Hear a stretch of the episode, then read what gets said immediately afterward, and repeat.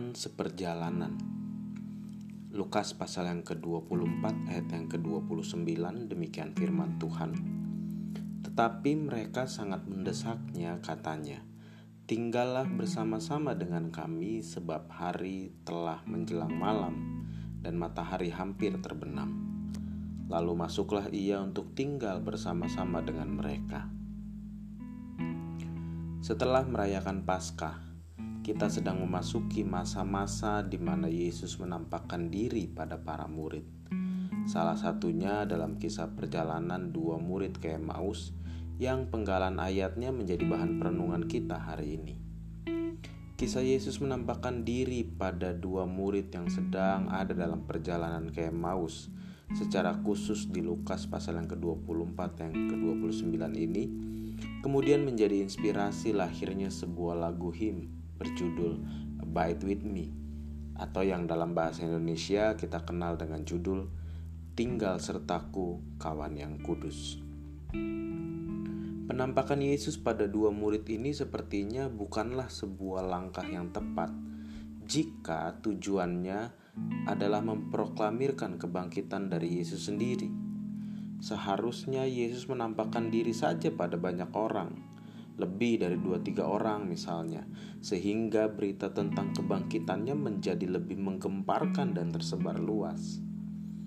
Namun mengapa Yesus memilih menampakkan diri pada dua murid dalam perjalanan ke Emmaus?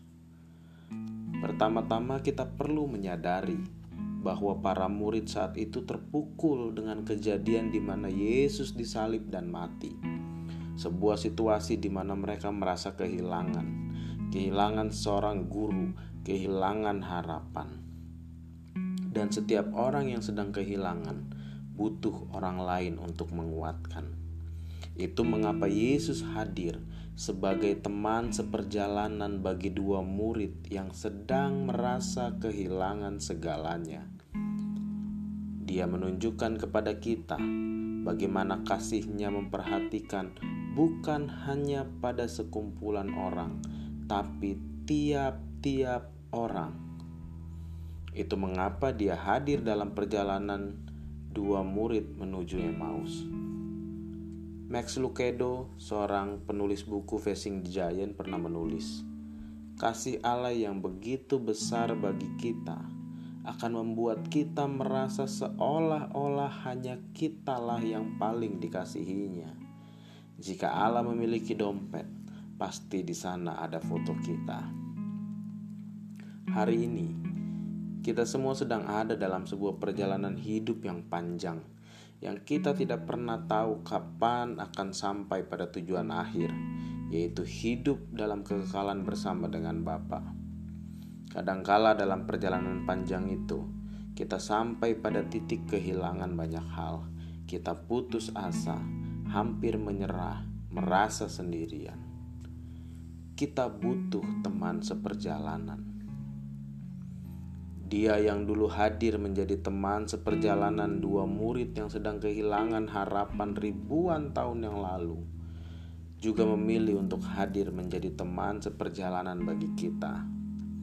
Hari ini, putuskan untuk kembali bangkit, kembali menjadi kuat, kembali pada pengharapan kita, karena pengharapan kepada Tuhan adalah sauh yang kuat dan aman bagi jiwa kita.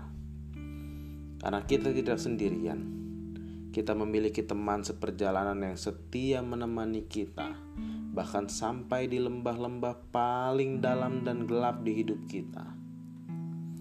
Biarlah Lukas 24 pas ayat yang ke-29 menjadi sebuah penghiburan yang memberikan kita kekuatan bahwa Dia yang berkuasa atas segala sesuatu bersedia tinggal dengan kita, bahkan ketika hari menjelang malam dan begitu menakutkan. Dia ada bersama dengan kita di malam-malam yang paling gelap yang harus kita lalui, sambil berkata, "Aku di sini, sebentar lagi pagi." Selamat bertahan, selamat berpulih dalam sunyi. Tuhan Yesus memberkati.